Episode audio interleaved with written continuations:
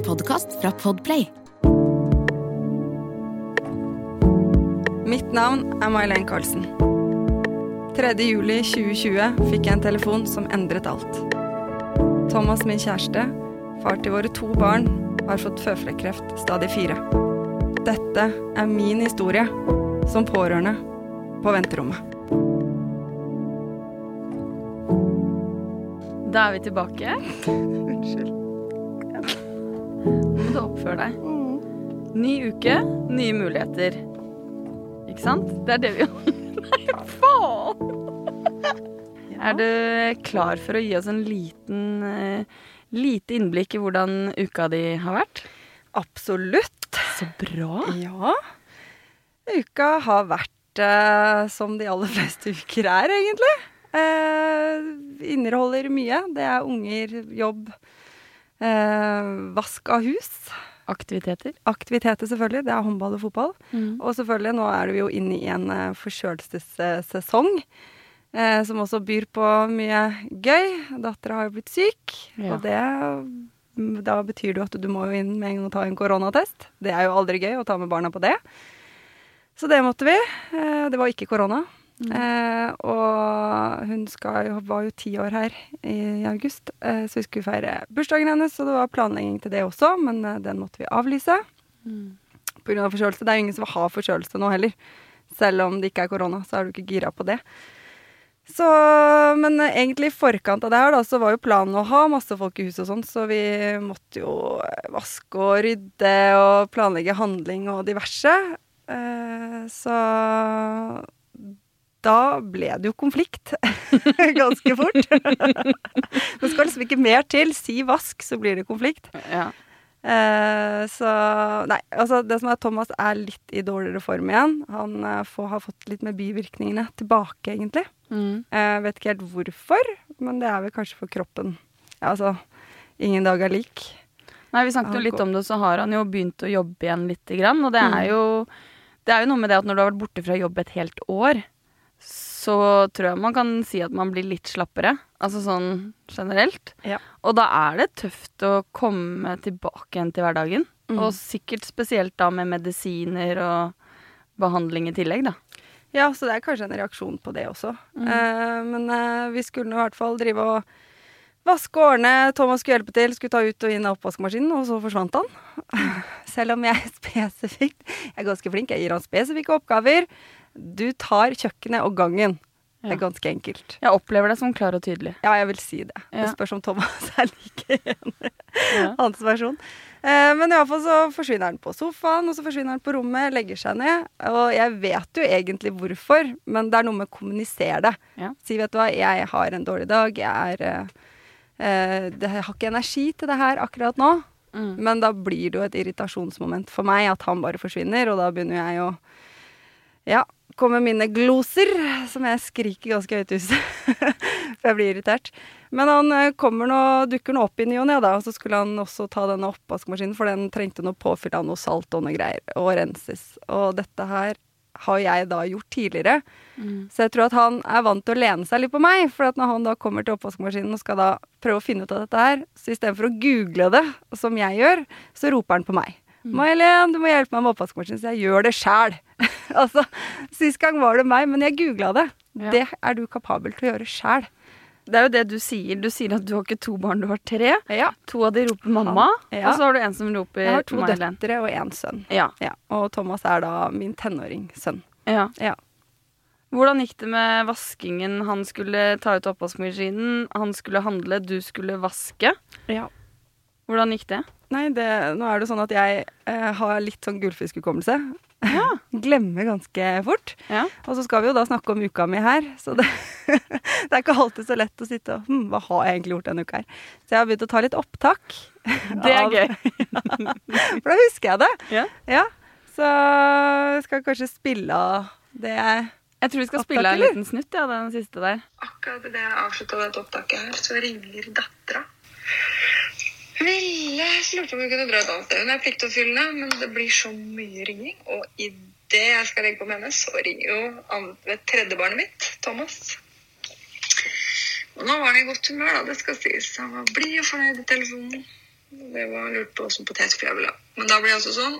Det er veldig hyggelig at du spør, men du vet jeg elsker salt, crunch og potetgull. Da kan du liksom ikke gjøre feil. Med mindre jeg har spesifisert hva jeg har lyst på. Det er liksom det som er sånn gjentagende med Thomas her. Ta egne avgjørelser. Ikke henvend deg, henvend deg til meg hele tiden for alt du skal gjøre, alt du gjør. Det her har liksom åh, vært sånn så lenge nå. Det blir helt Ja, jeg skal ikke bruke det ordet mer, men utslitt. Å nei, i dag er ikke en god dag. Ikke i det hele tatt. Så skal jeg bare vaske ferdig, så skal jeg drikke vin. Takk for meg. Den, den oppsummerte jo veldig bra, da, May-Len. Herregud, jeg snøvler nesten jeg snakker. For jeg er helt Du, var ikke- Ja. du var ikke veldig blid, og, det- og det tenker jeg at eh, eh, noe var sikkert berettiget, og noe var ikke. Ja. Men, men det, er, eh, det er greit. Nå ble det ikke bursdag, Nei. men du vasket ferdig, eller? Eh, nei, gjorde du ikke det, da? Nei. Nei. Nei. Nei men, det, sånn halvveis. Ja. Ja. men, det, men det tenker jeg at er helt greit. ja. Og det, og det er jo noe med dette når vi snakker om vasking, vi snakker om forberedelser til selskap, vi snakker om butikkhandling osv., så, videre, så har jo du og jeg snakket noe om dette at man skal være sammen fordi man har lyst, og ikke fordi vi må. Eller føler obligatorisk at vi må være sammen fordi han har kreft. Og det er jo en del av disse tingene vi Hvorfor det blir diskusjoner, hvorfor det kan oppstå kranglinger, er jo fordi at eh, man vil jo være sammen fordi man har lyst, ikke fordi man må. Det er jo Og hvis man bare hadde gitt etter og bare hadde dilta, og du hadde bare stått på og gjort alt det du skulle fordi da var det ro og mak i huset, så hadde jo ikke det blitt veldig bra i lengden. Nei, altså, vi må jo fortsatt ha et forhold eh, hvor det gir meg noe, og gir han noe. Eh, så derfor så må jeg på en måte kun stille krav til han. At han må Altså, det er lov å ha en dårlig dag, men vi må også opp, og vi må kommunisere. Eh, fordi jeg vil jo aldri ha forlatt han pga. kreft, eller fordi han kosmetisk opererer eh, og får en muskel på halsen så han endrer utseende. Det ville jeg aldri i verden ha gjort. Men jeg kan ikke bli i et forhold som på en måte ikke gir meg noe lenger, fordi han får lov til å gi opp. Mm. Eh, det vil jo ikke funke for meg, i hvert fall. Og jeg tror ikke han heller ville hatt glede av det i lengden. Så derfor så er det viktig at jeg stiller krav til han.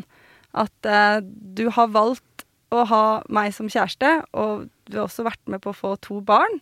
Vi bor i et hus sammen. Eh, og da må du også Det krever noe av han. Han må også bidra. Han har ikke lenger retten til å legge seg ned. Nei. Og det har jeg sagt ganske tydelig, både til Thomas og til deg. Mm. Fordi idet han tar et valg og velger å ha bo med to barn og kone, samboer, for dere er ikke gift ennå, eh, så har han gitt fra seg retten til å legge seg ned og kun synes synd på seg selv og ikke fungere i hverdagen. Det er faktisk noe du må kreve av han for at du ønsker å være sammen med han fordi du vil og ikke fordi du må.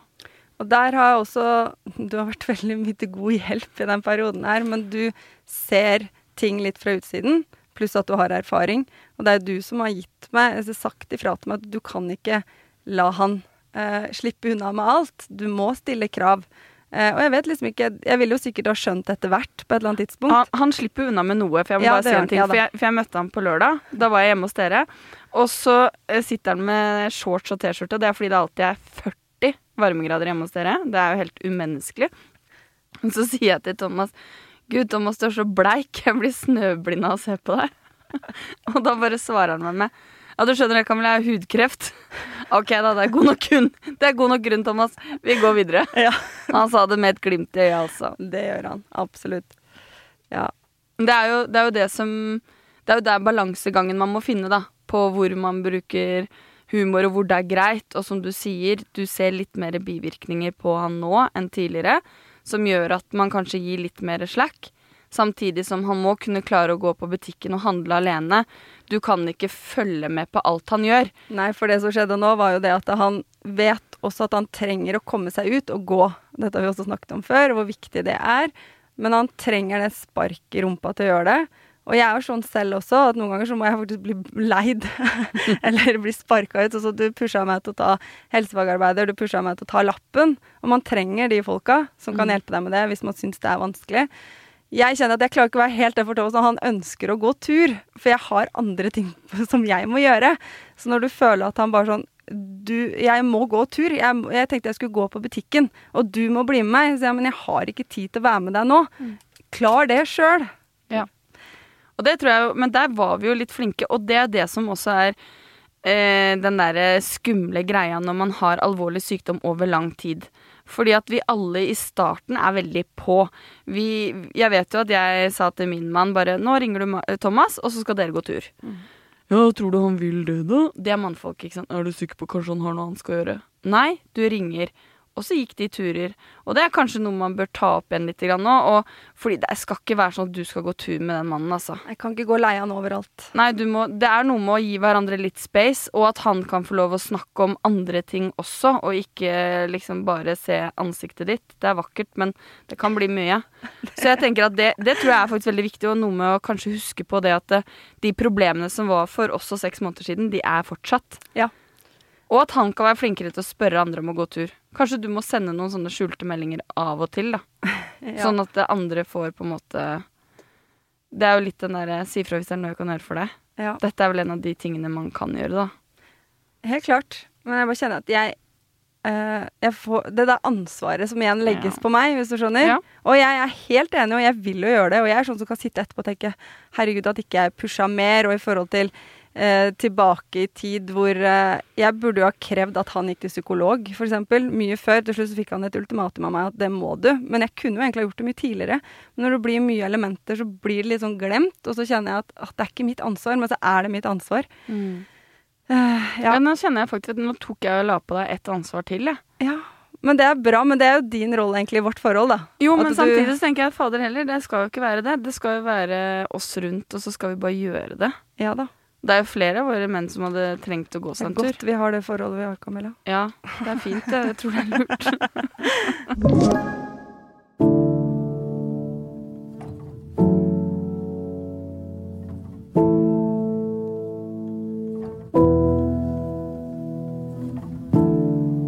Det er jo noe med denne kommunikasjonen som du nevner eh, ofte her, at den kommunikasjonen mellom deg og Thomas må være optimal. Eh, Og det gjelder også, tenker jeg, litt dette med kommunikasjon med helsevesenet. Fordi ting er annerledes pga. korona. Jeg vet jo, og det er jo egentlig helt sykt å si, for vi er veldig glad i helsevesenet i Norge, og vi vet at Thomas har fått veldig god hjelp. Men det er jo noe i mitt hode som blir riv ruskende gærent når du ikke får lov å være med inn på sykehuset. Når Thomas har tatt et uh, nytt inngrep som han gjorde nå i august, hvor de re rekonstruerte på, eh, på halsen hans, og de skulle ha sårskift på han, noe du skulle utføre hjemme, men du fikk ikke være med inn på sykehuset for å se hvordan de utførte den prosedyren.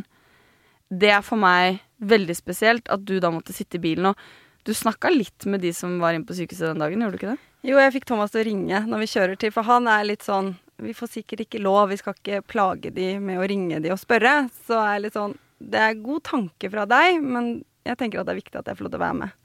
Eh, så da ringte vi i bilen, og da sa jeg det at jo, bare lurer på om, eller Thomas sier, jeg lurer på om det var greit at kjæresten min blir med. Nei, dette er bare sårskift, så det er ikke noe behov for at du har med deg noen.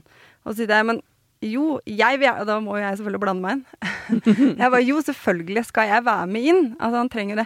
Nei, eh, det her er ikke en sånn situasjon der hvor han trenger noen til å ha med. Så jeg, men faen, har du hørt om psykisk støtte, eller? da kjenner jeg jeg bli litt irritert, og det som irriterer meg, at jeg selvfølgelig da ikke nevnte det med at det er jeg som skal stå for sårskiftet hjemme, eller sårstell hjemme. Så det burde jeg også selvfølgelig ha lagt til, men jeg tenker at dette her må jo de egentlig tenke sjøl. Og når Thomas er der inne, så sier jo hun som eh, Stelle svarte Thomas at ja, selvfølgelig kunne hun ha vært med. Ja. Og da er det noen ledd der Mm. som på en måte mener sitt, og så er det noen som mener noe annet. Mm. Og dette var også i fjor, når han kommer hjem etter tre uker på sykehus. Så er det jeg som overtar denne flappen, eller altså den noe? Ja, Hudtransplantasjonen. hudtransplantasjonen, som de har holdt liv i på sykehuset, som nå skal stelles, er det jeg som overtar, og jeg har ikke sett hvordan de gjør det. Jeg var jo riktignok på sykehuset, men jeg var aldri med på noe sårstell på sykehuset. Uh, og nå er jeg heldig at jeg har den bakgrunnen jeg har, så jeg, og jeg har ikke noe problemer med det. Men det er jo ikke alle som ville ha takla det, Nei. eller fått det til. Kan hende at de hadde stått og hamra på døra på sykehuset og krevd å komme inn, selvfølgelig. Men, men det er ikke så lett å vite hva du skal gjøre i en sånn situasjon, da. Vi får beskjed om at ikke du får lov. Mm. og så er OK, da får jeg ikke lov til det, og så blir de, eh, eh, må du på en måte overta Mm. hjemme og bare gjøre det beste ut av det, da. Han får ikke med seg noe, det er på nakken. Han så ikke hvordan de stelte. Han, det tok jo egentlig ganske lang tid også før han turte å se. Ja, første gangen, ja. Ja. Tok det veldig lang tid før han ville se det selv. Så det er utfordrende i disse tider, da, Ja. med tanke på koronaen. Eh, så ja. Og det er jo det som, det som er for meg, da, som har jobba i helse før korona kom, så vet vi jo viktig det har vært dette med pårørende, med støtte, med kommunikasjon med hele familien. Fordi man sier når, når en, i, en i et ekteskap får alzheimer, så sier man at vi har fått demens. Det er en sånn ensbetydning på at en har blitt syk. Og det er jo litt sånn med kreft også. Det påvirker så den indre kjernen at det er liksom vi som har fått. Det er vi som må håndtere. Og det som har skjedd, er jo at eh, du har blitt ekskludert fra sykehuset. Man får ikke lov å få noe innsikt. Man får ikke lov å være der. Og så skal Thomas være der, og så er du og barna hjemme. Og til vanlig så ville det jo vært at de hadde vært fulgt opp på, på Rikshospitalet. De hadde fått være på besøk, se på instrumentene.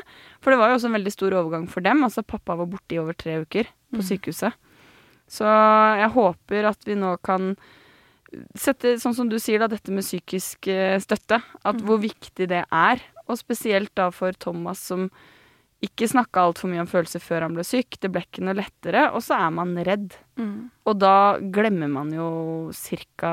70% av det som blir sagt. ja. Og det var jo fint på Bærum, så får jeg lov til å være med når det er svar på prøver. Og det er veldig fint, og det har de også skrevet nå i papirene, for de er jo ganske strenge, disse vaktene.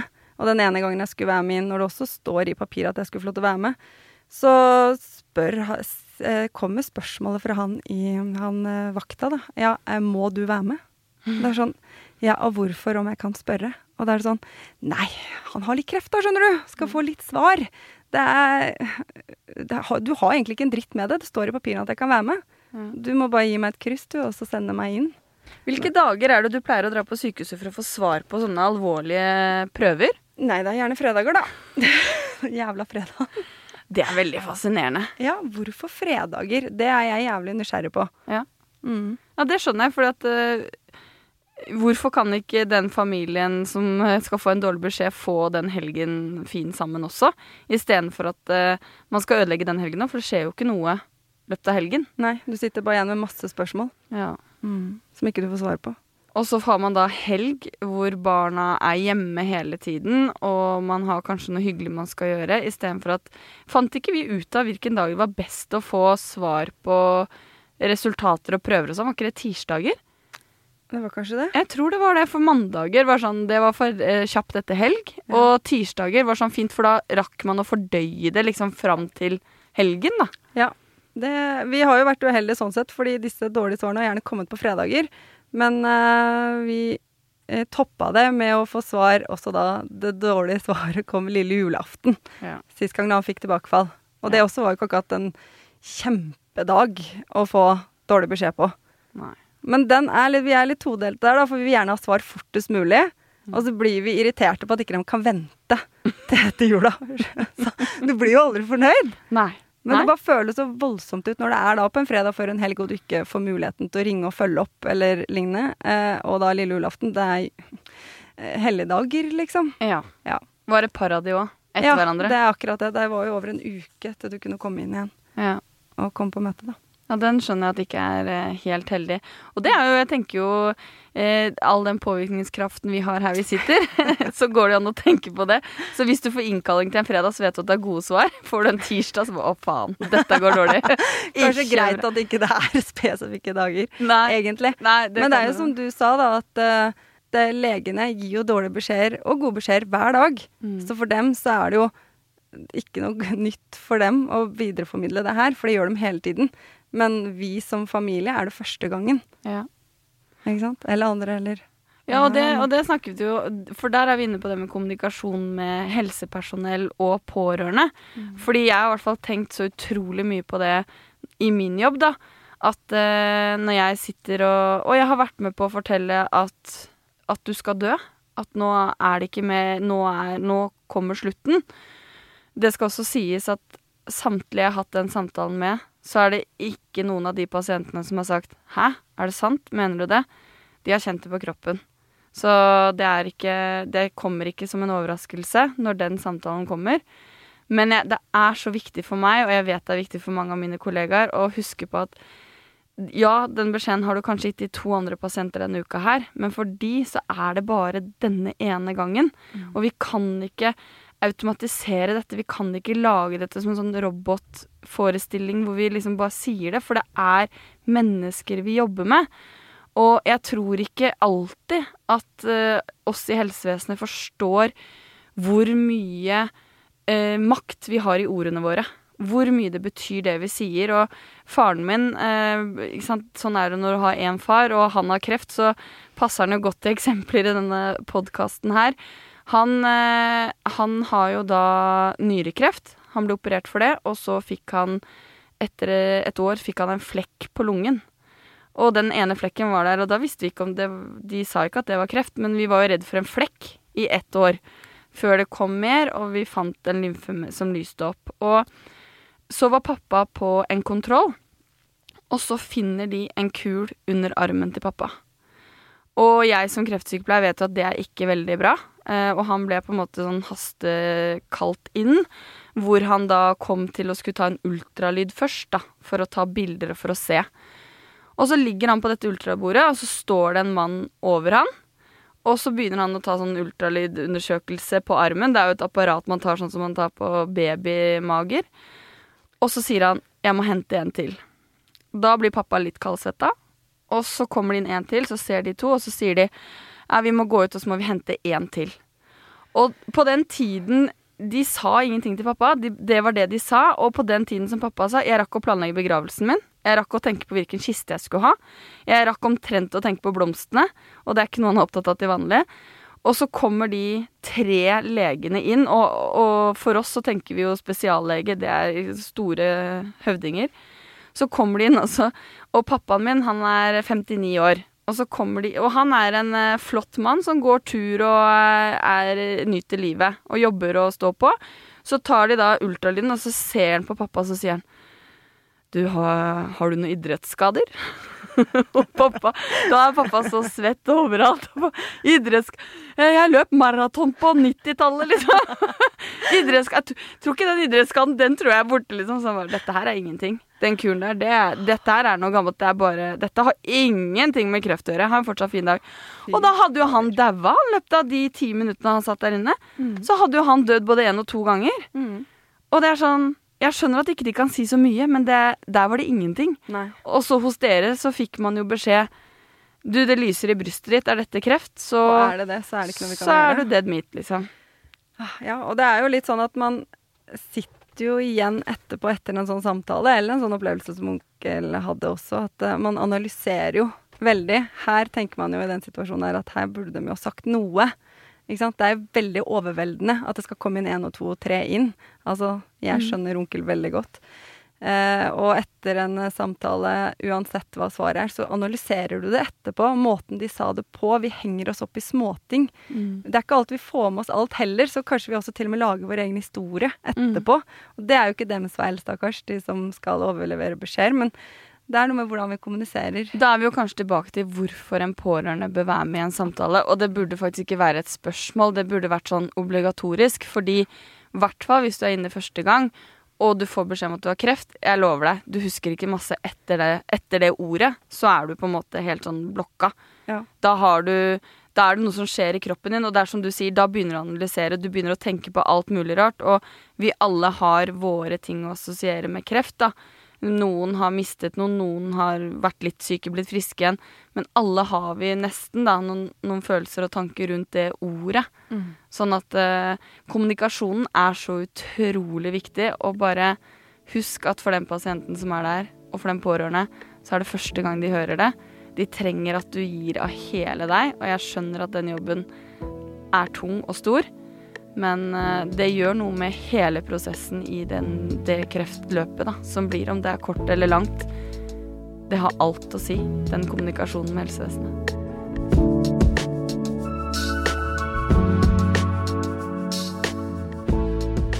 Tusen takk for at eh, du hører på oss. Og hvis du har lyst til å stille spørsmål eller lure på noe, så er det bare å gå inn på Facebook-sidene våre som heter Venterommet. En podkast for pårørende. Der kan du komme i kontakt med May-Helen og meg. Ha en fortsatt fin dag.